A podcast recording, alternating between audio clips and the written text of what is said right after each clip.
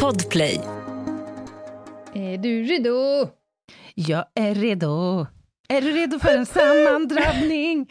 Bit ihop, bit ihop.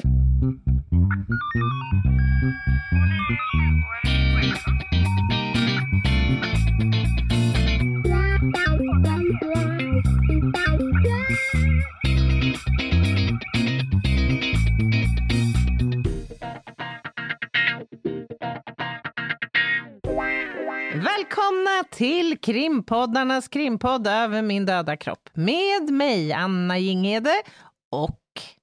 Lena Ljungdahl. Tjoho! Tjoho! Det är krimtorsdag, Det är krimtorsdag! som ni har väntat, och även vi. Mm. Status idag, Anna, på dig? Jag mår faktiskt ganska bra, även om jag eh, har befunnit mig så som i ett eh, frysskåp hela dagen, känns det som. Alltså, Alltså, det här yrket jag har valt, jag vet inte Det är vad jag signade ingen upp för glamour. riktigt. Det är noll procent glamour. Du skickade en 0%. bild på dig själv. ja. Jag var tvungen att zooma in för att se om det var du, eller den här farbrorn. Kommer du ihåg det här programmet, En himla många fina program? När det satt det. en skinntorr gubbe i en fåtölj. Ja, ja, där har du mig. Du var jättelik. Ja, men alltså, jag har haft en sån jobb... Alltså, det, vissa dagar på jobb... Alltså, så här, alla dagar är mer eller mindre roliga, det vill jag säga. Mm. Jag, Mm. jag kan alltid se tillbaka på även en utmanande dag som något fint och positivt. Men Mm. vissa dagar är det som att det går lite troll i saker. Och idag började det med att vi kom fram till den här platsen. Det var ka- svinkallt och jag upptäckte att jag hade åkt ifrån mina lager 2-plagg. Mm. Så att redan- Långfillingarna. Ja, långfillingarna. Eh, jag hade i och för sig en liten variant av en långfilling, men jag hade inte liksom tröjor. Nej, okej. Och jag hade även glömt mina varma, liksom, isolerade vinterhandskar. Och då vet jag ju Mm. redan där att ja, Mm. det, det här kommer bli, det kommer bli kallt. Sen det första som händer när jag kliver in då, det var på en brandplats. Det är att jag har, jag har då min midjeväska, kameraväska öppen. Jag har inte stängt locket på den. Sen kommer det då ungefär två kilo spån från ovan. Blöt spån. Rätt ner på mig och ner i min väska. Mm, mm. Över två kameraobjektiv, i kameran. På, alltså, Ja, ja. ja. Det började där, liksom. Vad är din go-to svordom då? Nej, men grejen är, jag måste ju behärska mig. Jag kan ju inte där ge utlopp för könsorden, men det är de jag oftast vänder Det, mig till. ja, det är dit du... Ja, mm, Ja, mm, mm, mm, Det är det. absolut. det. Det är inget jag är stolt över, men, men det måste ut, så att säga. Ja. ja. ja. Hur har du fint. haft det, Lena? Du har rest också en Jag del har åkt idag. tåg. Du har åkt tåg, ja. Ja, såna här dagar är såna klapp-klapp-dagar för mig. Mm. Alltså det är taxi till tåg till taxi till bla bla bla, bla bla bla bla bla och sen är det som att man tar en sån här rewind, Just det. Liksom tillbaka. Då är det liksom taxi, tåg, taxi, tillbaka mm. igen hela vägen. Och 12 timmar senare är man ju som, jag vet Ja, det- inte. Men jag håller med, jag fattar precis Det är som att jag har rest över 12 tidszoner. Just det. Det är som att man Mm. har befunnit sig i en twilight zone. Helt plötsligt så finner man sig liggandes i sängen igen och vet inte om det var igår jag gjorde det här eller om jag nu... Ska jag sova nu eller vad är det som Har det händer? hänt eller har jag åkt förbi Hult-Hult? Precis, eller vad det har heter? det hänt än? Ja. Anna, idag så har ju du... Eh, ni, ni kommer ju få ett favoritavsnitt, och det är ju för att Anna ska dra ett case. Ja. Ja, men alltså vi var ju lite så här den här veckan, vad ska vi välja? Mm. Och då kom jag på ett case som jag tycker är väldigt, väldigt intressant. P- På flera sätt. Dels liksom själva caset som sådant är väldigt intressant, men det är också historiskt i en mening att i det här fallet så tvingades man liksom att uppfinna en del forensiska lösningar för att komma framåt i utredningen. Och det är spännande, eller? Det är som en vanlig dag på jobbet för en spanare. Uppfinn Ja. något nytt, fort som fan. Exakt. Ja, vad härligt. Ja, så jag tänkte att vi kan väl bjussa på det här. Alltså det här fallet, det eh, har sin, sitt ursprung på 1930-talet, så det här är inte purungt direkt. Ja, det, det får man väl säga. Hörde du förresten, eller får jag, får jag ge dig en ganska kul grej som jag läste igår? Att Mm. lika många år mellan 1918 och 1970 som mellan 1970 och 2022. Fy, vilken ångestmacka! Men 1918, för mitt i första världskriget! Jo, jo visst! Förstår du vad gamla vi är? Ja, Det är hisnande. ja, det räcker med att resa sig ur sängen. Man får inte knäna, blodtrycksfall. Man Ja. ser sig själv i spegeln och bara, nej för fan är det som pågår? Ja, Nåväl, vi ska alltså till 1930-talet. Vi ska nu till året 1935 och den lilla, lilla staden Moffat i Skottland.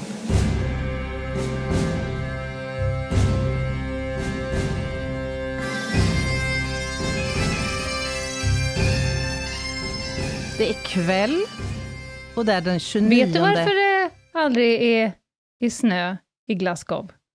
Nej. 100 000 skottar.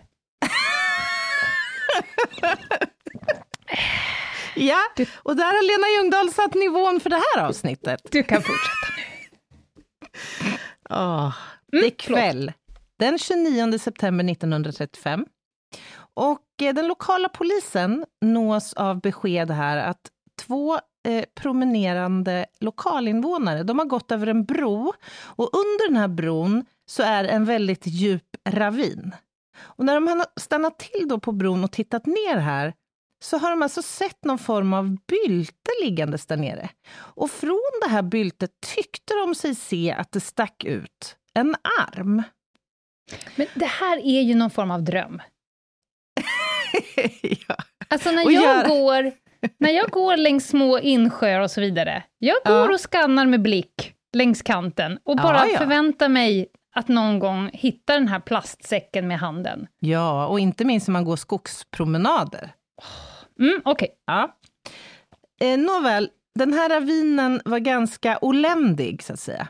Det var Mm. svårt att ta sig ner och inspektera det här byltet, så att man tog helt enkelt kontakt med eh, polisen och det begav sig ut ett gäng konstaplar här för att se vad det var man hade sett. Det var svårundersökt, mycket riktigt. Det låg stora såna klippblock liksom i, längst Mm. botten på den här ravinen. Så det var ganska trixigt liksom att ta sig fram här. Tog de en termos här, tror du? Man undrar lite vad det var för konstaplar som kom fram först. Mm. Jag tror ju att det var inte fråga om några kriminaltekniker i det här, eh, Nej. vid den här eran, så att säga. Nej. Utan det var nog vanliga Detektiv. tifer. Mm.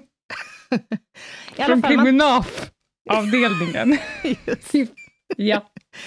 man tog sig ner i ravinen Mm. och man hittade då två människohuvuden, Mm. ett lårben, två underarmar med vidsittande händer, Vänta, vidsittande händer? Ja. Du menar att det är en vanlig arm med en hand på? vidhäftade, tänkte du? Eller är det någon som har tagit en arm och satt på en ny hand? De satt inte vid armen, Nej. de satt fast. Ja. Mm. Händerna satt fast på underarmarna. Ett stort antal, citat, större köttstycken. Mm. Samt fyra bylten. Och de här byltena, de innehöll inte mindre än två överarmar, två lårben, två par underben, varav ett par med vidsittande fötter. Och det andra paret, eh, underben, Mm. så var all muskulatur avlägsnat. Man fann också bröstkorgsdelen av en människobål och då flera ytterligare större köttstycken. Mm. Ja, makabert fynd. Mm, verkligen. Men också ett jävla pussel att försöka lista ut hur många personer det egentligen är. Exakt. Verkligen. Mhm. Båda huvudena var inlindade i massa bomullsvadd. Och ett av huvudena var också inlindat i ett par barnbyxor. Mhm. Och när man tittade då lite närmare under den här vadden och under barnbyxorna så hittade man i eh, ett av bylterna en damblus Mm. och ganska mycket bitar av tidningspapper. Och när man tittade närmare på, på de här eh, pappersbitarna så visade det sig att de var alltså urrivna ur Sunday Graphic och Sunday News från den 15 september 1935. Och kom ihåg nu eh, att när man hittar de här eh, kvarlevorna så är det alltså den 29 september. Okej. Så det här ger ju någon form redan eh, av eh, liksom, tidsintervall här. Mm, det har gått två veckor helt enkelt. Exakt. Mm. I alla fall, man jobbade på här i ett antal timmar. Sen tog man en liten paus och fortsatte. Man var ju inte säker på att man hade funnit allt, utan man ville gå över ravinen igen. Och dagen efter, då hittade man flera kroppsdelar. En underarm, en hand, ytterligare ett köttstycke, vilket var inslaget i tidningspapper, ett lårben samt ett paket, kan man kalla det. Alltså med ett ja, omlindat paket med Mm. ett bäcken och ännu mer mjukdelar från en kropp. Mhm. Veckorna går. Eh, man, man tar naturligtvis hand om alla de här kroppsdelarna. Man för dem in i kylrum, eh, eller i kyla i väntan på att man ska lägga upp en plan för hur man ska hantera det här. Mm. Och det hinner gå lite tid här. Eh, och en månad senare, alltså den 28 oktober, då hittas inslaget i tidningspapper en människofot. Och det här var nio engelska mil söder om Moffat. Så det här är ju en bra bit Mm. bort helt enkelt. Och ytterligare en vecka senare så fann en ung kvinna ett likaledes i tidningspapper inslaget paket. Mm. Och det här paketet innehöll en höger underarm med en hand. Mm. Det börjar bli ganska mycket kroppsdelar här nu, hålla koll på. Ja. Och sortera, så att säga. ja, kunde man konstatera hur många människor som fått sätta livet till? Eh, ja, jag kommer till det. Okej. Först och främst så konstaterade man att det var 70 anträffade kroppsdelar. 70. Mm. Och det är ju ganska många. Eh, Mm. Och man funderar på hur ska vi hantera det här? Vi vet ju inte hur många kroppar de här 70 kroppsdelarna faktiskt utgör. Så Nej. att man sammanförde ett team eh, bestående av dels en professor i rättsmedicin från då universitetet i Glasgow, eh, med assistent. Eh, och ytterligare någon rättsläkare, jag tror de var två eller kanske till och med tre rättsläkare som, som eh, fick det här uppdraget. Eh, men det här var ju anatomiskt ganska utmanande, alltså att pussla ihop då de här delarna till olika individer. Så att man förstod, man Mm. behövde ha någon som var proffs på anatomi också. Så då tog man även hjälp av en professor i anatomi med sin assistent. Och sen hade man ju en tanke om att man måste ju försöka eh, finna identiteter på de här kropparna, så att man tog även hjälp av en eh, tandläkare från Tandläkarhögskolan som då fick ansvara för den dentala undersökningen. Påminn oss lite om DNA vid 1935-tiden. Gärna, gärna det. Eh, DNA på 1930-talet visste man ju knappt existerade. Man visste Nej. i vart fall inte hur man skulle kunna applicera den kunskapen i liksom forensiskt Nej. syfte. Det var ju många, många år senare, 50-60 år senare, som de första DNA-analyserna gjordes.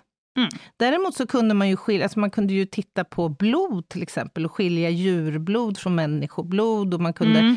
Eh, det fanns några eh, metoder för att studera blodgrupp och så vidare. Men det, det var inte en metod för identifiering här. Fingeravtryck?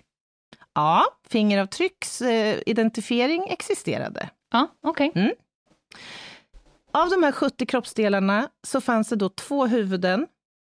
Och eh, ja, så man hade ju haft styckmord tidigare i Skottland och även i det här eh, området, men det här stack ju bokstavligen talat ut alltså. Att Mm. så många kroppsdelar låg tillsammans styckade.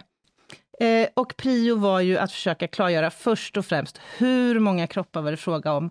Och det här teamet kunde ganska snart, tack vare då eh, ett pusslande och rekonstruerande, konstatera att de här 70 delarna utgjorde delar från två fullt utvecklade kroppar, alltså vuxna Mm. kroppar, som båda hade utsatts för styckning.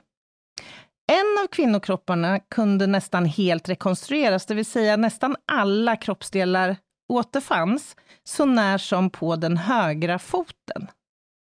På den kroppen så hade också fingertopparna kapats. Och då ena foten.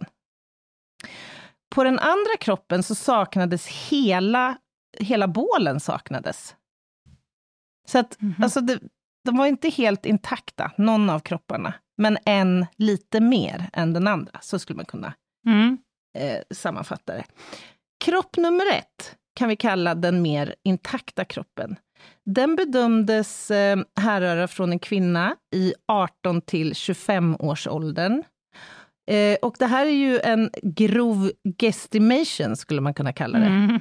För den är ju baserad bara egentligen på yttre liksom, karaktäristik, En Okulärbesiktning. Ja, mer eller mindre på den tiden. Den andra kroppen bedömdes vara äldre, men också en kvinna mellan 35 och 45 år. Och det man gjorde sen för att komma närmare en förståelse eh, om vilka de här kvinnorna var, det var att försöka uppskatta längden på dem i, i livet, så att säga. Och det här kan man göra genom att mäta då extremiteterna, mäta lårben och Mm. och sådär. Eh, och då uppskattade man att kropp 1 var ungefär 151,5 centimeter lång. Det är ändå ganska... Ungefär. Exakt! Jag vet inte själv hur lång jag är. Ja, okej. Och kropp nummer två, ungefär 163 centimeter. Eh, kropp 1, alltså den kortare av kvinnorna, men också den mer intakta. Hon hade lite hår på huvudet som var ljusbrunt. Medan på kropp nummer två så var allt hår avlägsnat. Och då skalperad? Mm, Mhm. precis. Kropp nummer ett hade också en skada i skallen. Den här skadan var Y-formad i mjukdelarna, så som efter kanske ett slag med ett Mm. tillhygge. Och när man obducerade kraniet och kropp, kroppen då, så fann man två skador i skallbenet också. Dessutom fann man en stickskada på höger överarm och blåmärken. Dels på ena armen och dels i ansiktet. På kropp nummer två så kunde man se tydliga tecken på strypning. Mhm. Och de här fynden sammantaget, för det är ju så här, även om en kropp anträffas eh, och eh, be, den befinns vara eh, så att säga styckad, så är ju inte, är inte säkert att dödssättet blir mord för det. Nej. Även om det kan kännas märkligt att en kropp skulle kunna ha dött naturligt och sedan av någon styckats. Men Mm. det kan ju ske. Ja, det Men- kan ju ske. Det kan till och med ha varit grov misshandel och sen ändå inte dött av mord och sen Exakt. styckas. Mm. Mm. Men rättsläkaren kunde ju här, tack vare de här observationerna, konstatera att dödssättet för båda eh, kropparna, båda kvinnorna, var mord. Mm. Och att kvinnorna har varit döda och legat i ravinen mellan 11 och 14 dagar. Mm. Och det här måste ju ha varit en jättebra uppgift för den här utredningen som nu har rullat igång, det här med dödstidpunkt. Alltså, om du, du som har en del inblick i mordutredningar och utredningar av grova brott, alltså, vad skulle Mm. en sån här information kunna medföra och innebära egentligen? Men det är så oerhört mycket information som man tar in och ju mindre eh, nedslag på tidsaxeln man har, desto bredare blir ju. Om man ska fråga, till, det bara jämför med om du ska fråga ett vittne, har du gjort några iakttagelser på den här vägsträckan? Mm. Ja, när då? Ja, någonstans under den här månadsperioden, alltså det blir väldigt luddigt, så ju snabbare man kan säga en dödstidpunkt, desto mer kan man ringa in sina åtgärder och faktiskt fokusera på rätt saker. Mm. Man kan liksom smalna av åtgärdslistan, man kan ringa in iakttagelser, som man säger att jag är intresserad av det du såg, mell, alltså tisdagen den, mellan klockan så och så. Då kan man liksom nästan be en person, så här, vad gjorde du själv då? Man kan mm. nästan söka upp att, ja men då var jag hemma vid den tiden, hade jag tvättstugan, och så kan man liksom plocka upp minnet, vad det nu är. Kanske inte var så mycket tvättstuga då, men du förstår vad jag menar. Och Absolut. också vad parterna, så fort det börjar involveras människor, Mm. Har man identitet på en person, om man dessutom har dött, då kan man ju börja kartlägga den personens förehavanden runt den tiden. Och mm. när det börjar pratas en misstänkt och man vet en dödstidpunkt, ja då är det intressant vad den misstänkte gjorde då, eller vad vittnet gjorde då och så vidare. Så det är oerhört viktigt att så snabbt som möjligt få eh, en tidpunkt mm. att åtminstone börja förhålla sig med. Det, alltså det måste ju vara mycket mer tacksamt att ställa frågan, eh, har du gjort några eh, avvikande iakttagelser någon gång mellan den mm. 12 och den 15 september, än att ställa frågan någon gång det sista halvåret, så att säga? Exakt. Och då börjar man ju ofta så här, vad gjorde du själv mellan den 12 mm. och 15 december? Man sätter det nästan tvärtom. Ja, nej men det var, får man titta i kalendern, jag jobbade hemma den dagen, om det nu skulle hända i nutid. Mm. Eh, Okej, okay, mer? Ja, men jag hade mina barn, ah, just det, mitt barn var sjukt. Du vet, man började vet, öppna upp mm. och sätta dem så att de själva kommer ihåg. Just det. Under den här tidsperioden, är det någonting som du har hört, sett, tänkt på? Har du mm. ringt någon och berättat någonting? Har du, så kan man nästan själv gå in, du vet ju framförallt i nutid, man kan ju nästan söka mm. med hjälp av alla sina sociala medier och chatttrafiken med sina kompisar, så kan man nästan lägga upp ett minut eh, schema för sitt eget liv. Och där är det också mycket lättare att ringa in, ja just det, det var den där, inte vet jag, det var den där bilen som jag reagerade på när jag parkerade, mm. jag skällde ut. Alltså, så att man hela tiden ringer in klockslag. Det är så vi har löst många av de nya, moderna, grova mm. brotten. Mm. Alltså, vad var det? Jag åkte bilen, jag letade efter den här cykeln, jag tog ett foto. Alltså allt sånt där som mm. går att härröra till en tidpunkt. Så det är jätteviktigt. Och det är därför man ganska snabbt tvingar rättsläkare och kriminaltekniker, ge oss ett intervall i alla mm. fall, så fort du har det. Mm. För att vi har ju också, vi kommer till det sidan, men vi har också en tidsaspekt liksom att, eh, att förhålla Just oss till. Mm. mm. Bra ja. svar.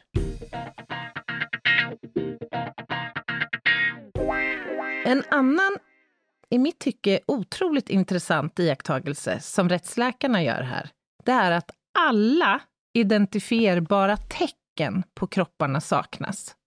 Det vill säga mm. öron, ögon, näsa, läppar, tänder har dragits ut. Efter döden, kan man konstatera. Och Fingertoppar saknas. saknas.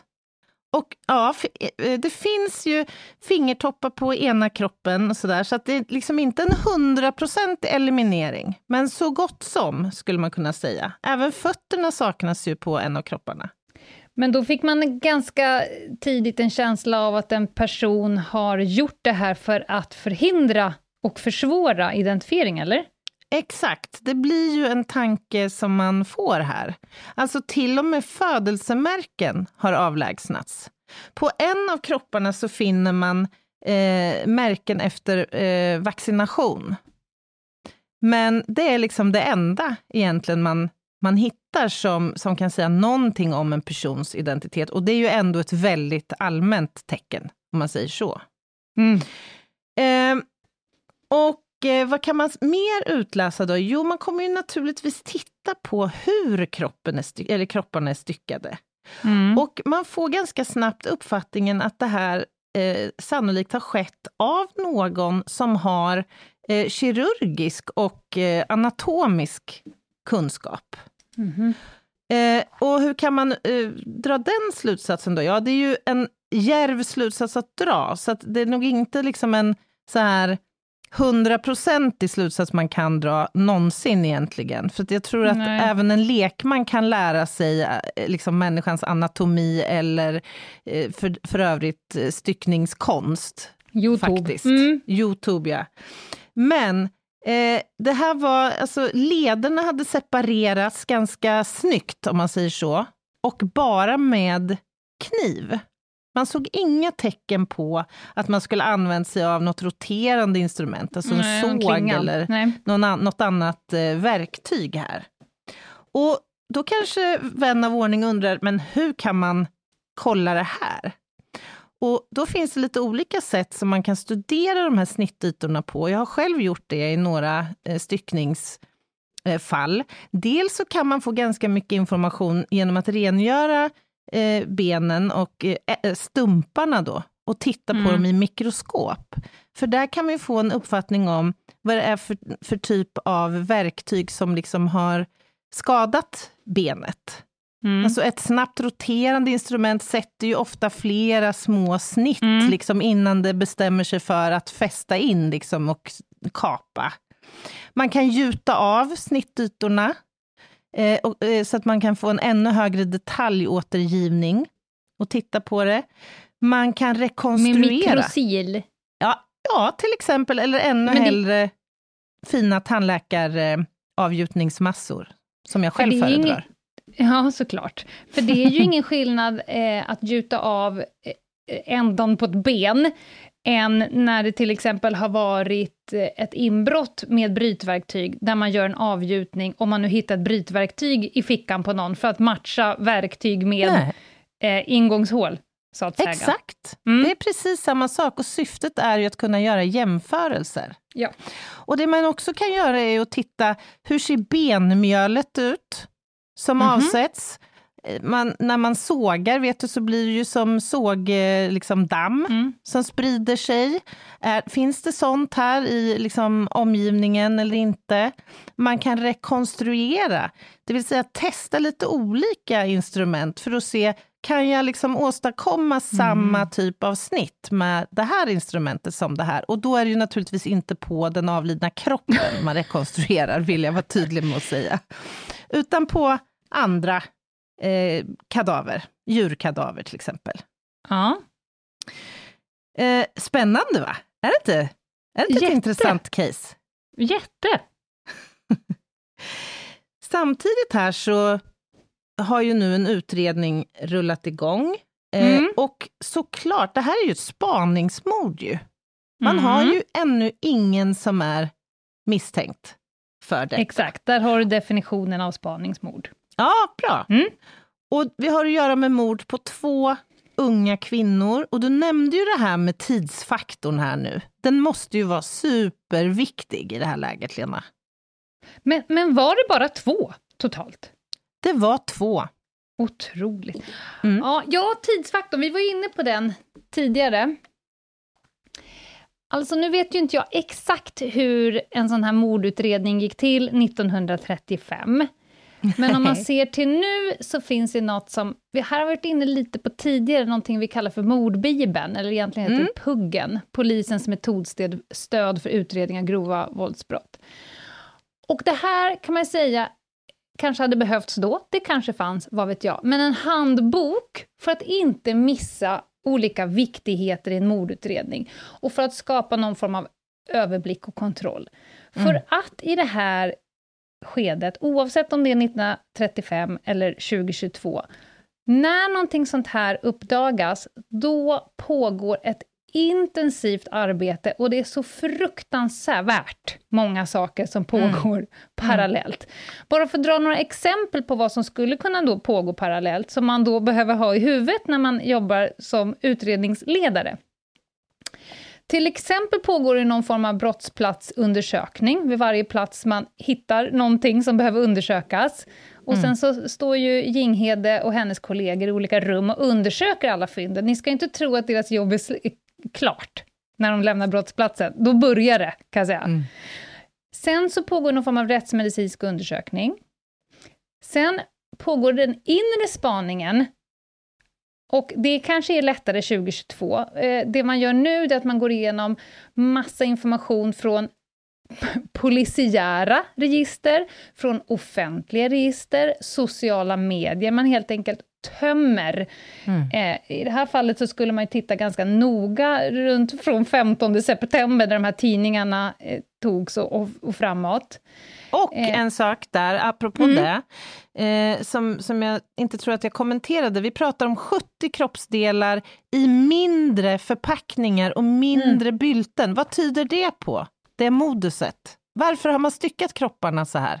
Ja, dels tycker jag att det tyder på att man i alla fall inte har haft bråttom. Det är en mm. sån här grej som jag tar till mig, att det är någon som har haft tid att hålla på. Ja. Också någon som har vetskap om, här ska det försvåras. Och jag måste göra det här för att kunna transportera kropparna. Mm. Så idag kanske man hade varit intresserad för tid, den här tidpunkten och i, i, relation till eventuella master som finns på mm. den här mm. platsen till exempel, på tal om Exakt. det du var inne på för Ja, för här kommer det ju då alla master, ma mobildata. Eh, nu för tiden så tömmer man ju övervakningskamerorna.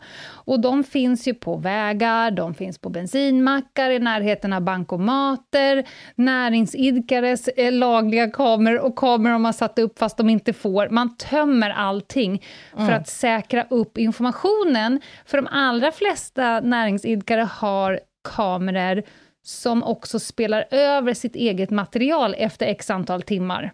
Mm. Så att det, det kan jag säga, det har jag gjort massor med gånger, där någon bara skriker ut och säkra material. Mm. Och då åker man egentligen till alla de här gator och torg och bara stopp, du vet, ladda, spara ner allt du har på din kamera. Allt, allt, allt, allt, allt, allt, allt och ge till oss. Mm. Inte för att jag vet om jag behöver det, men för jag vet att om jag kommer sex timmar senare, då är det överspelat med något mm. annat. Så Exakt. det är bråttom. Sen bråttom, är det, bråttom. Bråttom, bråttom. Sen är det tillgångsutredningar och man kollar för rörelse på bankkonto. Nu pratar jag lite mer nutid, men bara mm. för att jämföra. Eh, inte förglömma all fysisk spaning som nu pågår. Just på det själva brottsplatsen, så fort man har eventuella misstänkta och så där, så drar man igång med en enorm spaningsinsats, även kanske på platsen, ifall det händer någonting i efterhand på själva brottsplatsen. Mm. Man börjar med inledande förhör, vittnen, misstänkta, grannar, omgivning. Och, är det viktigt, i puggen, så jobbar man jättemycket med administrativa processer, alltså ta emot och bearbeta tips, registrera, mm. resursfördela och diarieföra. Och nu kommer då frågan, Tidsfaktorn. Det är så här att det är fruktansvärt viktigt. Det är liksom en färskvara med bevis. Mm. Eh, och i början så får man in jättemycket information och kanske till och med motsträviga uppgifter. Och då måste man som förundersökningsledare eh, det, det tvingar fram en ganska stor grovsortering. Du kan mm. inte börja jobba på alla spår och alla detaljer samtidigt, utan du kommer behöva ta ganska mycket guts eh, beslut, att nu mm. går vi på det här spåret. Eh, och sen om det visar sig att det inte är det, då vill det till så att alla andra tips och detaljer är sparade, för det vet mm. ju både du och jag, det är många ärenden där den misstänkte som visar sig i slutet har funnits med tidigt i ett tips, eller till och med blivit inkallad på förhör och så vidare, men inte kändes rätt då, och så ska man kunna gå, gå tillbaka. Mm. Så en F-ledare måste hantera motsträviga uppgifter, granska precis allt, stänga dörrar, alltså, och det kände vi på i Tjuv och polis, att man får en tråd att dra i, den mm. måste dras till man kommer till slutet på tråden för att kunna avföra, dementera, stänga dörrfan för att sen mm. tillbaka och så gå på nästa tråd. Söka mm. alternativa förklaringar hela tiden, undersöka detaljer, söka ytterligare kunskap. Och längs vägen så bildas det mer och mer säkra hypoteser som ger utredningen mer och mer en robust riktning. Mm. Och så längs vägen så gör man kontinuerligt, att man söker andra förklaringar, andra händelseförlopp, alternativa sätt som det skulle kunna ha hänt. Och så ska man också utreda allting som faktiskt är till en eventuellt misstänks fördel, enligt Absolut. objektivitetsprincipen. Mm. Så det är, det är bråttom i början, enormt mycket information, och därmed så behöver man kunna jobba med pyttesmå detaljer, men också med stora grova snören att dra i, mm. parallellt. Du, apropå tidsfaktorn, ska vi ta en liten paus? Ja, det gör vi. Ett poddtips från Podplay. I fallen jag aldrig glömmer djupdyker Hasse Aro i arbetet bakom några av Sveriges mest uppseendeväckande brottsutredningar. Går vi in med hemlig telefonavlyssning och, och då upplever vi att vi får en total förändring av hans beteende. Vad är det som händer nu? Vem är det som läcker? Och så säger han att jag är kriminell, jag har varit kriminell i hela mitt liv men att mörda ett barn, där går min gräns. Nya säsongen av Fallen jag aldrig glömmer på Podplay. Välkomna tillbaka! Ni lyssnar på krimpoddarnas krimpodd Över min döda kropp. Det är avsnitt 208. Och Anna håller på att lotsa oss igenom en, ett ärende från 1935 över två kvinnors döda kroppar. Just det. Mm. Och vi, innan pausen så pratade vi lite grann om eh, puggen, Mm. alltså det här utredningskonceptet. Och jag tänker så här, om man inte har, om man inte har några, liksom, in, någon inriktning än, Nej. så är det väl ändå en ganska vanlig strategi att man tittar på kända våldsverkare i ett visst geografiskt område till exempel. Mm. Ja, och framförallt om man har någon form av modus. Vem brukar göra så här? Är det någon som är nymuckad? Vad har hänt? Man börjar liksom eh, knåda sina uppgiftslämnare och tipsare. Alltså, Mm. informationen måste krypa ut ur listorna och komma till polisens kännedom, och det eh, jobbar man på alla plan. Det gjorde man här också, men Mhm. man gick bet där. Det var liksom ingen som kändes intressant.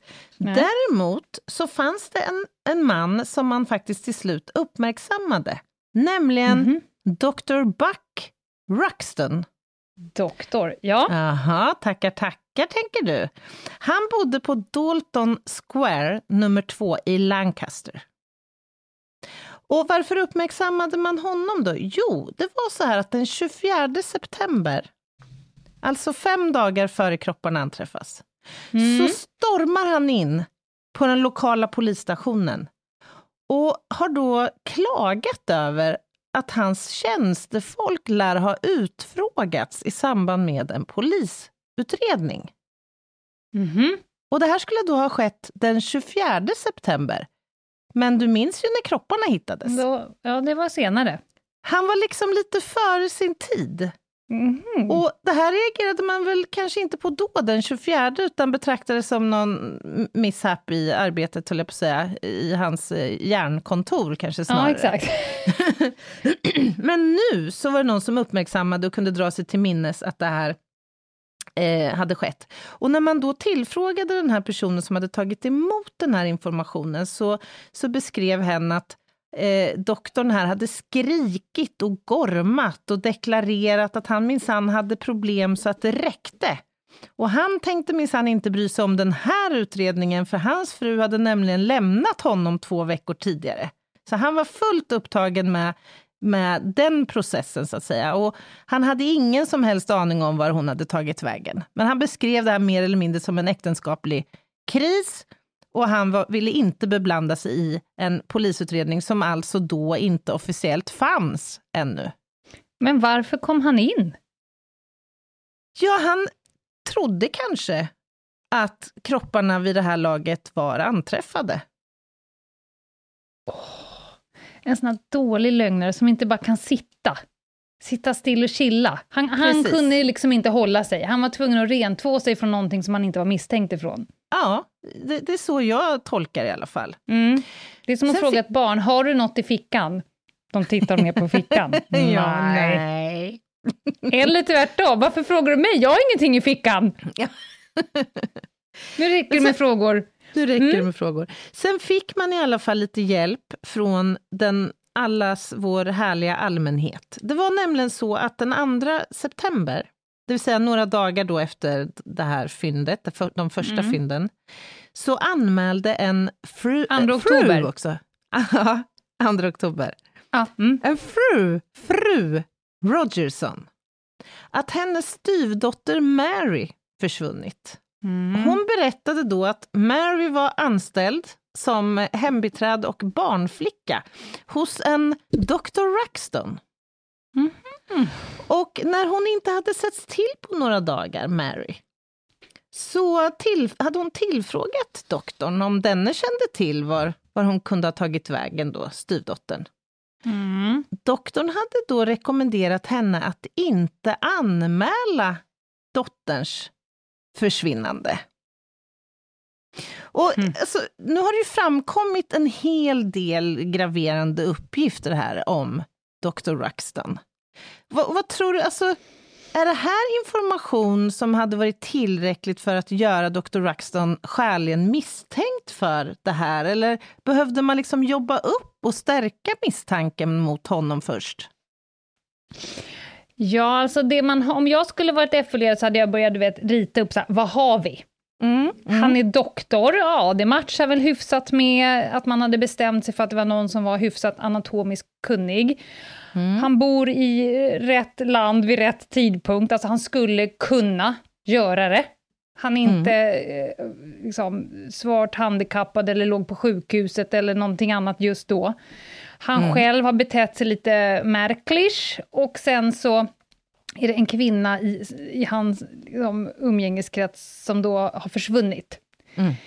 Det sammantaget, för du frågar är så här, vilken nivå av misstanke skulle man kunna se honom? Absolut att han hade hamnat under lupp. Och Mm. i, i nuläget så hade han ju haft span på sig absolut dygnet runt. Och vad hade syftet med det varit då? Att inhämta, att antingen stärka misstanken eller dementera den. Eh, Jag har ju alltså spanat på människor dygnet runt som vi ganska eh, snabbt inser att det här är ju absolut jättefel. Mm. För att då kan man snabbt avföra en person och så kan man rikta alla sina resurser åt något annat håll. Mm. Men om vi pratar misstankegraderna så har vi fyra i Sverige. Nu var det ju här i Skottland, men jag kan berätta hur det är här och det blir som en repetition. Den lägsta är om man kan misstänkas. Och för att dra ett väldigt enkelt exempel. Om, di, om du hade din plånbok på ditt eh, bord på jobbet och Mm. det är 30 personer i det där rummet. Tom Och peng pung på bordet. Ja, peng Mm. pung. Och plånboken helt plötsligt är borta. Mm. Då, då kan alla i det där rummet misstänkas. Mm. Kan misstänkas. De kan misstänka, du Mm. kan inte säga någon av dem, men det kan inte heller vara någon annan, för det var bara de som var där. Det, det Mm. är ungefär nivån av kan misstänkas. Och på den nivån, vad får man för tvångsmedel? Ja, egentligen får du bara hålla, ha folk i förvar för att kunna eh, ha förhör med dem. Du får inte göra kroppsvisitation, du får inte göra någonting. Mm. Du får spana på dem, Mm. faktiskt. Mm. Nästa steg är ju den här skäliga misstänkt som vi har pratat om. Och då behövs det lite konkreta och ganska objektivt underbyggda eh, omständigheter. Och så Mm. heter det som med viss styrka talar i en viss riktning. Och om vi ska ta samma exempel då. Jag förhör alla de här 30 personerna och det framkommer vissa omständigheter som talar för att eventuellt en person i gänget stod väldigt nära den där plånboken. Mm. Alltså, det är kanske två, tre personer som säger så här, men eh, Sara, hon verkade intresserad av den där plånboken, pilla lite på, jag har nog sett att det... Ja, men då kanske vi börjar närma oss skäligen misstänkt. Mm. Och på den nivån, då kan man faktiskt göra ja, men kroppsvisitation. Man skulle kunna visitera den här Sara om ett par personer säger att det är hon som stod där och hon som pillar på och så vidare. Då är det skäligen misstänkt. Men då måste det vara lite konkret. Och i det här fallet så skulle jag säga, ja, är man en, en liten, eh, har man lite skinn på näsan som Mm. förundersökningsledare, så de här sakerna sammantaget, ja. Jag Mm. skulle hävda att den här personen var skäligen misstänkt. Mm. Det är inte särskilt högt, det bevis, eh, den misstankegraden. Just det. Man behöver inte på något sätt vara säker, men det ska finnas objektiva och konkreta omständigheter som med viss styrka talar för någonting. Mm. Mm. Man kan jämföra med att om du, drar, om du skulle berätta det här för någon som inte har någon koll på ärendet och den personen tjej, känner så här, ja, det är mer som talar för än emot. Ja, någonstans där. Mm. Nästa Mm. steg, sannolika skäl. Och då, då eh, framstår det som objektivt berättigat. Till exempel att någon såg att Sara tog plånboken. Mm. Hon stoppade den i sin bakficka. Ja, men då, då, är, det, då är det väldigt tydligt. Mm. Han var på platsen, han har lagt en väska i ravinen. Mm. Jag såg honom. Och sen sista misstankegraden, det är tillräckliga skäl för åtal. Och det är ju egentligen om åklagaren kan på objektiva grunder förvänta sig en fällande dom. Vi pratar bara gärningsnivå. Och du, du frågade ju spaning här. Mm, mm. Alltså definitionen av spaning, att samla in information om, ja, det kan vara personer, objekt, företeelser, i syfte att uppdaga eller utreda brott, och det sker hemligt för den som det riktas mot. Och detta kan ske oavsett om en förundersökning är inledd eller inte. Mm. Det vill säga, det spelar ingen som helst roll om doktor, vad hette han, Ruxton, mm. Ja, det spelar ingen roll om han är skäligen misstänkt eller inte. Spaning, det är fritt, för det är mm. så jävla krångligt med spaning. Mm. Det är mycket som är reglerat. Mm. Det har vi pratat om, hemliga tvångsmedel, rumsavlyssning, telefonavlyssning. Men det är fruktansvärt mycket inom spaning som är helt oreglerat. Mm. Och tänk själv, hur ska det gå att reglera? Spanare är de mest påhittiga jävlarna som finns. Av de enkla är att de måste vara det.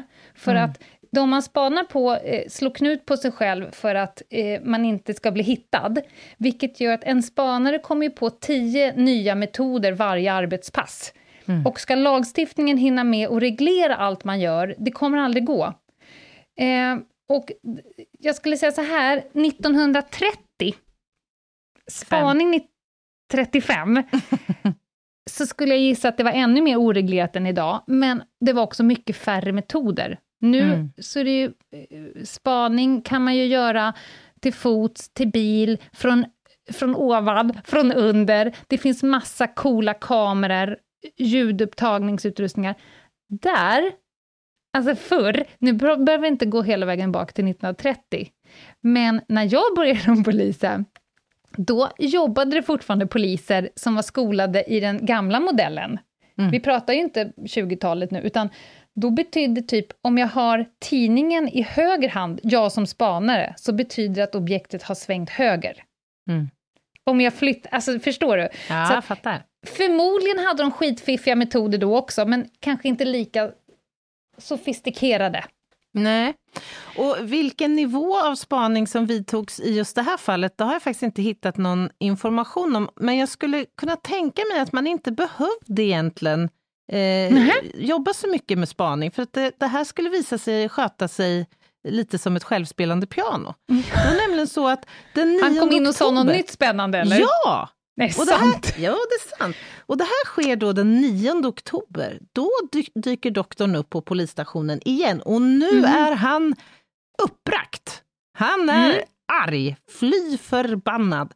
För mm. nu har ju tidningarna börjat skriva om försvin det här försvinnandet av Mary Rogerson som liksom mm. är formellt nu anmäld försvunnen. Och man har också skrivit då i samma artikel om fynden av kroppsdelarna.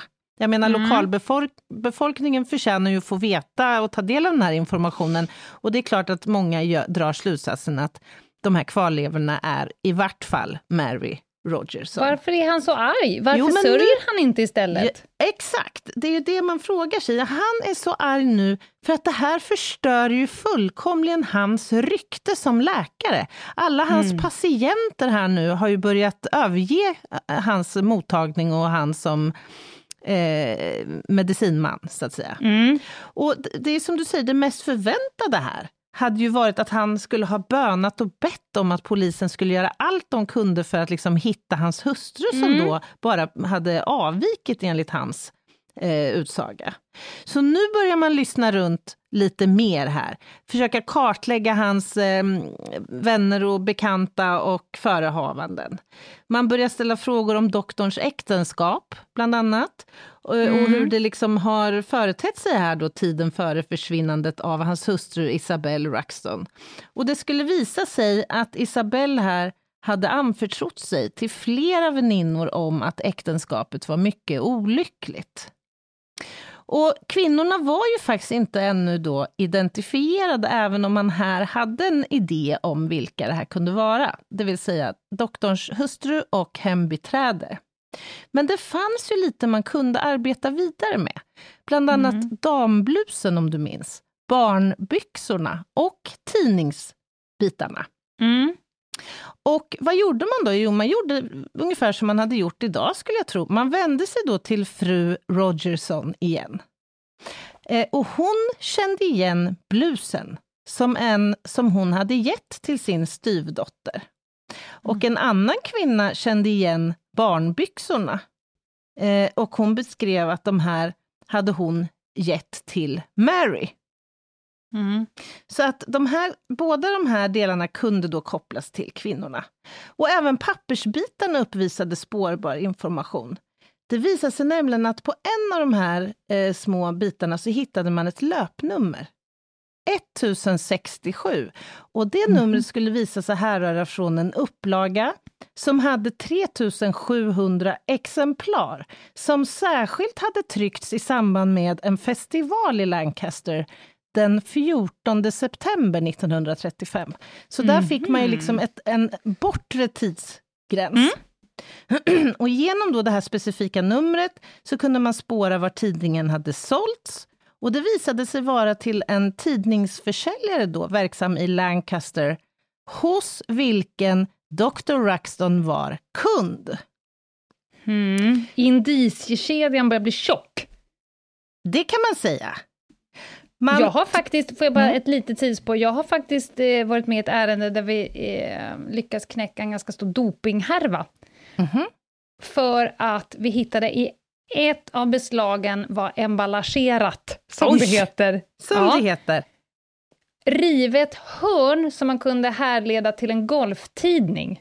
Aha. Och i ett av husen vi gjorde husrannsakan i så fanns det rätt mycket golftidningar. Och då sa förundersökningsledaren att ni tar varenda jävla golftidning i beslag.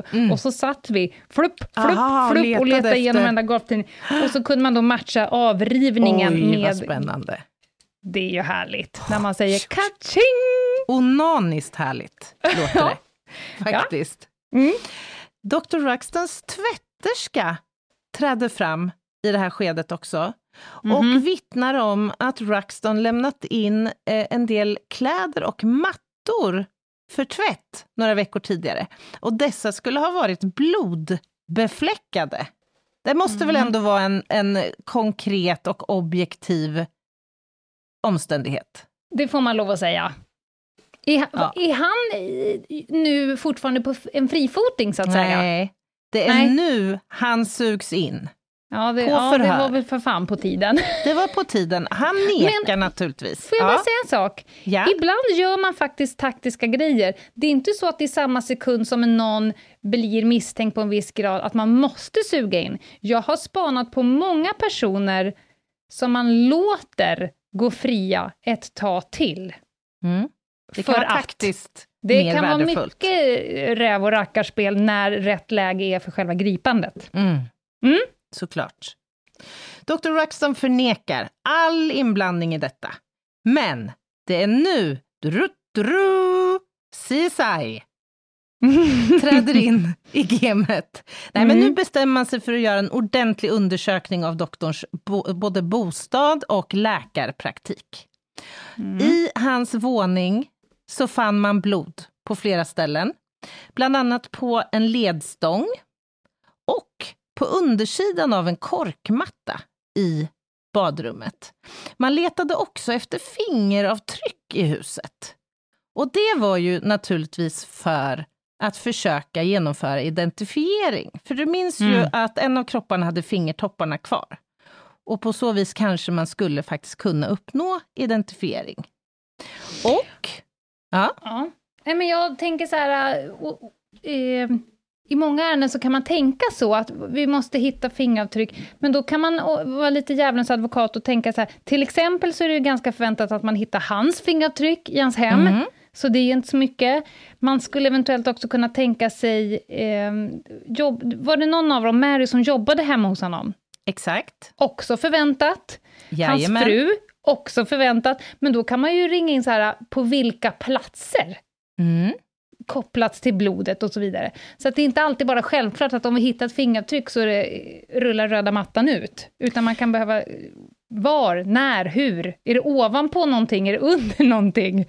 Ja, men exakt. Och här var ju det främsta syftet att få eh, identitet Ja. på kvinnorna. Så man tog fram sitt kolpulver och började mm. gå bananas. Man penslade av allt möjligt. Och man hittade då på dels en tallrik och dels mm. på någon karaff så hittade man eh, fingerspår från en vänstertumme och från ett vänster långfinger. Och det här matchade mot Mary Rogersons eh, fingeravtryck. Mm. Och när man ställer frågan till styrmodern om hennes längd och ålder så visar det sig att hon var 20 år gammal och 155 centimeter lång, vilket ju stämde väldigt, ja. väldigt väl med ena offret. Men vi hade ju en kropp kvar här som ju var tvungen att identifieras. För innan identiteten är fastställd så kan vi ju faktiskt inte med säkerhet säga att Isabelle Raxton var mördad och sedermera anträffad i Nej. delar. På den här tiden fanns det ingen identifieringsstandard. Eh, Isabella hade varit 34 år gammal vid försvinnandet och 165 centimeter lång, vilket ju först och främst då stämde med de beräkningar man hade mm. gjort för den andra kroppen. Det man gjorde var först och främst avgjutningar av kvinnornas, båda kvinnornas faktiskt fötter och prövade med kvinnornas skor som anträffades i bostaden. Spännande! Aha, är det en vanlig metod? Det är inte en vanlig metod, men otroligt smart ju. Även om den inte är liksom definitiv, Nej. så kan man ju liksom med exklusionsgrundens hjälp ja. kunna säga, nej men det här kan absolut inte stämma. Nej, exakt. Eh, och det som var kanske mest revolutionerande här, det var en teknik som man kom på och som används än idag, nämligen så kallad superimpositionsteknik. Mm -hmm. Det vill säga jämförelse av olika anatomiska landmärken i kraniet med fotografier av dessa båda kvinnor. Mm -hmm. Det här är en metod som används än idag. Vi använder den i Thailand, bland annat och vid några få tillfällen som hjälp vid identifiering när man inte har någonting att jämföra med. Så vad gjorde man? Jo, man letade rätt på porträttfoton på kvinnorna. Mm. Sen fotograferade man kranierna i exakt samma position som huvudena hade på fotona. Sen la man ihop negativet från fotot mm -hmm. med kraniets då negativ mm. på varandra och såg hur de, och det här var ju fotat i exakt samma skala också, och såg hur de anatomiska landmärkena fullständigt sammanföll. Ja, men, hur coolt! Och det här finns det bilder på, så det kan vi lägga ut på, på Instagram. På de här kvinnorna?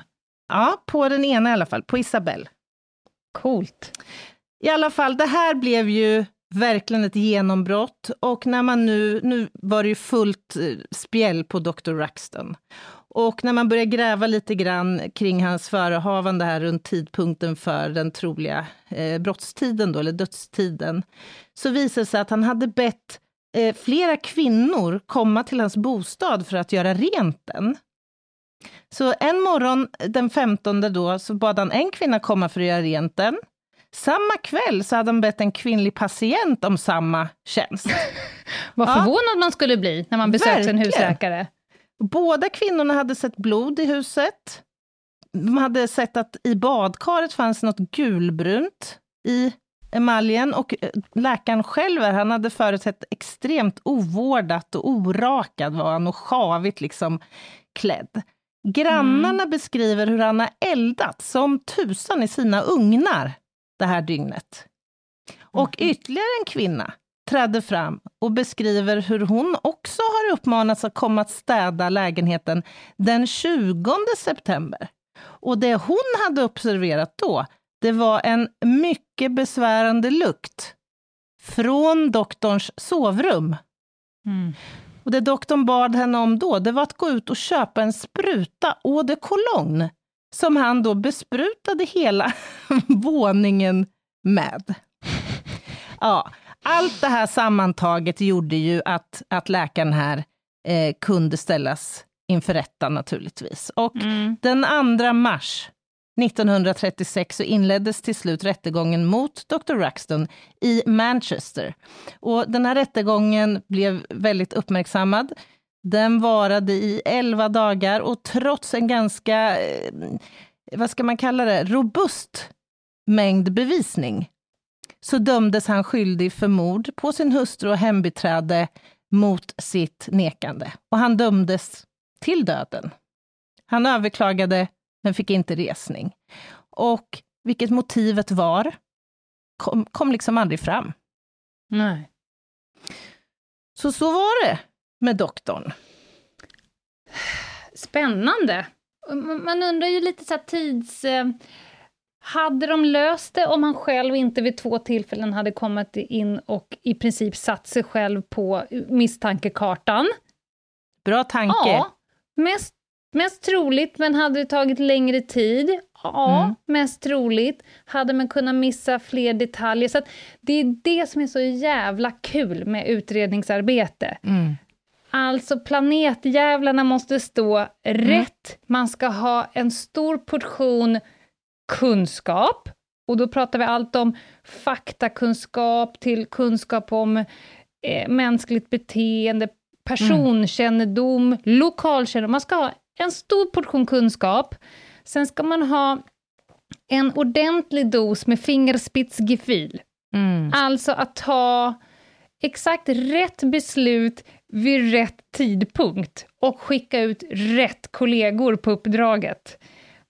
Och det i sin tur bygger ju på erfarenhet. Ja. Att ha den känslan, ha den Absolut. fingertoppskänslan och tajmingen. Och när man då eh, har kunskap, erfarenhet, timing och allt det där vi har pratat om, fingertoppskänsla, så bör man också faktiskt ibland ha en jävligt stor portion med tur också. Mm, faktiskt. Jag säger som Stenmark, det är märkligt, ju mer jag övar desto mer tur får jag. Ja, nej men vi ska väl knyta ihop säcken och om det var tur, fingertoppskänsla, kunskap eller eh, vad det nu var fråga om. All of the above, tror ja, jag. Kanske, det brukar det vara. Faktiskt. Mm. Det ledde i alla fall fram till eh, att Dr. Rexton dömdes för detta, vilket ju var för väl ändå. Ja. Och jag vet inte vad som kommer hända i Lenas domstol idag, men jag vet att du har förberett en rövhatt. Och Klubban innan... lär falla. Ja, det är jag helt övertygad om. Innan den får göra det så kanske vi ska dra lite samhällsinfo ändå. Mm. Det går bra nu. Nej, nu, är, det, är det nu jag ska? Jag är redo, jag är beredd. Ja, Okej, okay, okay, Då eh, har vi en mejladress som heter hej. Där får vi härliga mejl med mm. olika typer av eh, historier. Idag började jag nästan böla på tåget, för det var någon som skrev så fint, som hade mm -hmm. haft ett mhm. riktigt pissigt år. Mm. Jag tror att det var mm. typ morsan, farsan och brorsan hade dött inom loppet av ett och ett halvt år. Varit under isen, hittat podden, lyssnat på 200 Nej. avsnitt på typ två månader och eh, fått skratta lite. Kul att läsa. Mm. Att man får Verkligen. vara någons flöte ibland. Ja, vad fint. Det var ungefär så jag svarade. Ibland behöver vi ett flöte, vi är ärade att få vara ditt. Ungefär så. Mm, vad fint. Sen har vi ett Instagramkonto, Ljungdahl Ginghede. Mm -hmm. Där är det väl ungefär 50 procent eh, eh, krimrelaterad fakta, 50 procent skoj. Mm -mm. Någonstans där, i gränslandet. Ja, men precis. Och just eh, den här veckan, efter det här avsnittet, tror jag att det ska kosta på oss att bjussa på lite dokumentation från det här mm. caset. Det tycker jag. Du har skickat en bild till mig som var helt galen. Ja, det finns mm. ganska mycket där ute. Ja. Och vad har vi mer? Eh, vi har ju en livepods-turné coming up i mm -hmm. maj, mm. runt om i fem städer. Biljetter finns fortfarande kvar på All Things Live. Köp yes. nu därifrån. Vi har ju fått såna här horribla mejl med människor mm. som har köpt på andra ställen som undrar varför vi tar ut 3000 kronor i serviceavgift. Ja, usch. Ja, köp, köp på rätt väg. Och vi tar inte ut något, vi har ingenting med biljetter Nej. att göra, så vi får inte, vi håller inte på med det där. Nej, nej, nej, nej. Nej. För guds skull. Det var väl det? Ja, men bra! Ja. Habilt, tycker jag. Och en lika habil rövhatt ser jag väldigt mycket fram emot. Bring it, Lena Kommer Ljungdahl. här. Lenas rövhatt. Ja, men när vi är lite på temat människor som hör av sig till oss. Mm. Mm, jag skulle vilja den här veckan, för så här, då och då, tid för annan, så är vi ju alla en rövhatt. Alltså du kommer Ja, inte snirkla dig genom livet utan att någon gång då och då behöva bekläda dig i den fula fesen. Nej, just det. F- Nej. Alltså den är inte bekväm, den sitter inte snyggt, den gör Nej. ingenting för din appearance. Men vi, ingen av oss går liksom fri från eh, skuld att någon gång då och då ha rövhatten. Fes. Mm. Exakt. Men, det jag vill säga, precis egentligen som med allt hattbärande, om du nu har hatten på dig, Ja. äg skiten. Du Ja, vet ju någon människa som går ut, där man ser hela ditt väsen. Det sista du sa till dig själv när du lämnade bostaden är så här, jag är nog inte en hattbärare ändå. Och så tog du ändå beslutet att sätta på dig hatten, Ja. och du kommer se ut som en tomte för resten av dagen, ut i samhället. Du måste äga skiten när du väl har den på dig. Menar du att man ska äga sitt rövhatteri alltså? Ja, för Aha. att det finns två kategorier människor som hör av sig till oss, Mm. som är rövhattar. Mhm. Varav den ena kategorin äger sin rövhatt och den andra kategorin börjar sina meddelanden på det här sättet. Eh, jag vill ju inte vara den som är den, men... Och sen kommer Mm. ett meddelande där du exakt var den som var den. Fasen vad Är du intressant. Ja, ja, Äg. ja. Äg din rövhatt! Ah. Eller, nu vill inte jag lägga mig i, men... Och sen kommer ett meddelande som 100% lägger sig i. Ja. Och då var jag tvungen att credda en tjej häromdagen, för hon skrev ett DM till oss, där hon 100% la sig i, i saker som man inte ska lägga sig i. Aha. Men hon började meddelandet med, nej men nu måste jag lägga mig i. Och sen så Mm. fortsatte. Det är att äga sin rövhatt. Just du är en det. rövhatt, det här meddelandet hade du kunnat skriva på en lapp och checka upp själv, du hade fått exakt samma eh, effekt i mitt liv. Ja. Men du äger i alla fall. Det är ungefär som att säga, jag är inte rasist, men Mm, efter mm. det så kommer ju alltid någonting rasistiskt. Just det. Ja, men det, ja, Mm. fasen, det är ju sant. Men- och om du ja, inte vill vara den som är den, då just ska det. du inte fortsätta efter det. För det som kommer efter det är ju den som är den. Men Du var ju vara- precis den som, som Ja. är den. Men kan det här vara fråga om kalva på grönbete, så att säga? Att det här är en rövhattsdebut det är frågan om? Att man inte riktigt... man är liksom inte riktigt... På vingliga ben beträder man rövhattsmarken. Ja, just det. Alltså man testar lite. Hur, hur känns det här, så att säga? Eh, Ja. Och då känns det för mig inte bra. nej, nej. Därför att det är, som att, det är lika idiotiskt som att börja säga så här, jag är ju inte en talare. Då, då skriker hela mitt väsen så här, sätt dig ner då och håll käft. Då ska du ju inte tala. Just det, men det där, är ju, det där är ju, handlar ju om att hålla någon form av komprimerat försvarstal. Så att man tar Ja. höjd för om det här talet som jag nu har avsett att hålla blir man, svindåligt. vill, man vill minska liksom förväntningarna. Fallhöjden, Men om dina ja. förväntningar är så låga på dig själv att du precis har talat om för, dig, för mig att du inte kan prata, då skulle jag föreslå att du inte gör det heller, för det är ju aldrig bra. Och om du vill skriva ett meddelande på Ljungdahl och Ginghede eller på hej.ljungdahlochginghede.se där du ett, lägger i, Mm. två, inte bör lägga i. Om du ändå känner så här, nej, texten skola skrivas och skickas, Ja. då vill jag att du från och med nu skriver Hej! Jag kommer nu beträda mig, jag har satt på mig den fula fesen, här kommer ett rövhattsmail. Mm. Jag hörde 4.30 in i senaste podden att Anna sa att jag har forskat 4696 poäng och Anna sa fel. Då Ja. måste du börja med nu vill jag lägga mig. Jag är den som är den. Jag sitter Mm. i min fula hatt och nu kommer jag rövhatta mig. För att då kommer det fortfarande, även om budskapet är ett rövhatteri, då är vi tillbaka. Du är i alla fall lite snyggare i hatten, om du vet om Ja, att du har det. rövhatten på dig. Men, men, men alltså, handlar det om, tror du, olika konfliktstilar egentligen? Om du har en verbal liksom, eh, konflikt med någon, uppskattar du mer då den som bara Lena Ljungdahl, du är knäpp i huvudet. Eller, 100 procent! eller ursäkta Lena, om det här alltså det kanske sårar dig det jag kommer säga nu, men jag tycker du är lite dum i huvudet faktiskt ibland. men Inte menas du alltid, säger- men ibland. Ja, men när du sa det sista, när jag tittade Mm. på dig samtidigt här på Facetime, så var du lite fulare när du sa version 2. Du äger inte alls. Nej, jag fattar, jag fattar. Ja. Nej, men det... För, för att jag tycker att det är så, vi har jättemånga experter som lyssnar på oss.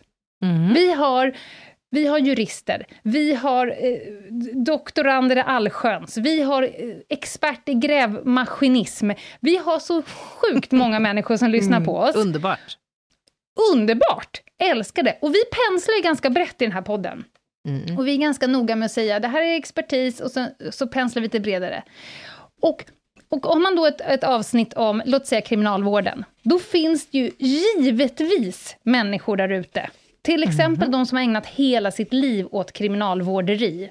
Mm. Mm. Som eh, vet djupare kunskap än vad vi... Vi försöker så förpacka saker på en timme. Vi kommer absolut inte kunna ta med allting på en timme som du kan, som du har eh, Just det. Velat tillgodogjort säga, dig under också. 40 år. Vad sa du? Ja, som man kanske också helst hade velat få fram. Mm. Och, och då är det fantastiskt när man, när man får mejl som säger så här, hej, jag har ju jobbat som sjökapten i 6000 år. Jag tycker att ni var lite bristfälliga i er förklaring hur ett gyro funkar. Jag vet inte om gyro är en kebab eller någonting på en båt. Men, men Ah, roligt. är du med? Ah, ja, ja, ja. Och om du ska skriva det mejlet, då måste du från och med nu starta i så här, hej, hej, jag är en rövhatt som vill lägga mig. Ja. Då kommer jag läsa med djupt intresse, och du kommer också vara snygg när du gör det. Ah, underbart. Äg din rövhatt blir veckans rövhatt. Ah, underbart, Lena. Bra. Fantastiskt. Oj, oj, oj, jag är helt matt efter den här Bra. utläggningen. Mm. Men du, det finns väl inte så mycket mer att säga än... eh, Absolut inte. Be careful out there. Jag har en sak att säga. Ja, okej. ja. Nästa torsdag. Mm. Ja, säg det. Jag har ju eldat igång i en vecka nu snart. Ja, det har du gjort. Det har tagit en del energi. Både från Mm. dig och... Nej, inte från mig, men... Lite. Jag såg att du var inne och vevade på Instagram Ja, idag. jag har vevat. Vi ska prata PDV nästa vecka och jag ska försöka ge en motvikt till alla så, så kallade experter som har uttalat sig på slutet här. Det ser vi väldigt mycket fram emot. Mm. Och du kan säga redan nu på förhand att du kommer, du kommer vara en rövhatt.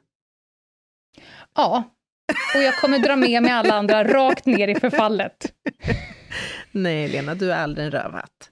Ta hand om er. Ta hand om er. Bye! Bye!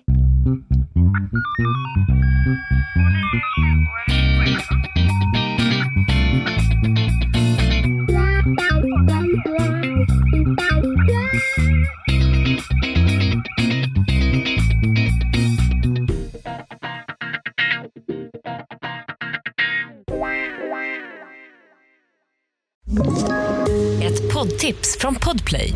I fallen jag aldrig glömmer djupdyker Hasse Aro i arbetet bakom några av Sveriges mest uppseendeväckande brottsutredningar. Går vi in med hemlig telefonavlyssning och, och då upplever vi att vi får en total förändring av hans beteende. Vad är det som händer nu? Vem är det som läcker? Och så säger han att jag är kriminell, jag har varit kriminell i hela mitt liv men att mörda ett barn, där går min gräns. Nya säsongen av Fallen jag aldrig glömmer på Podplay.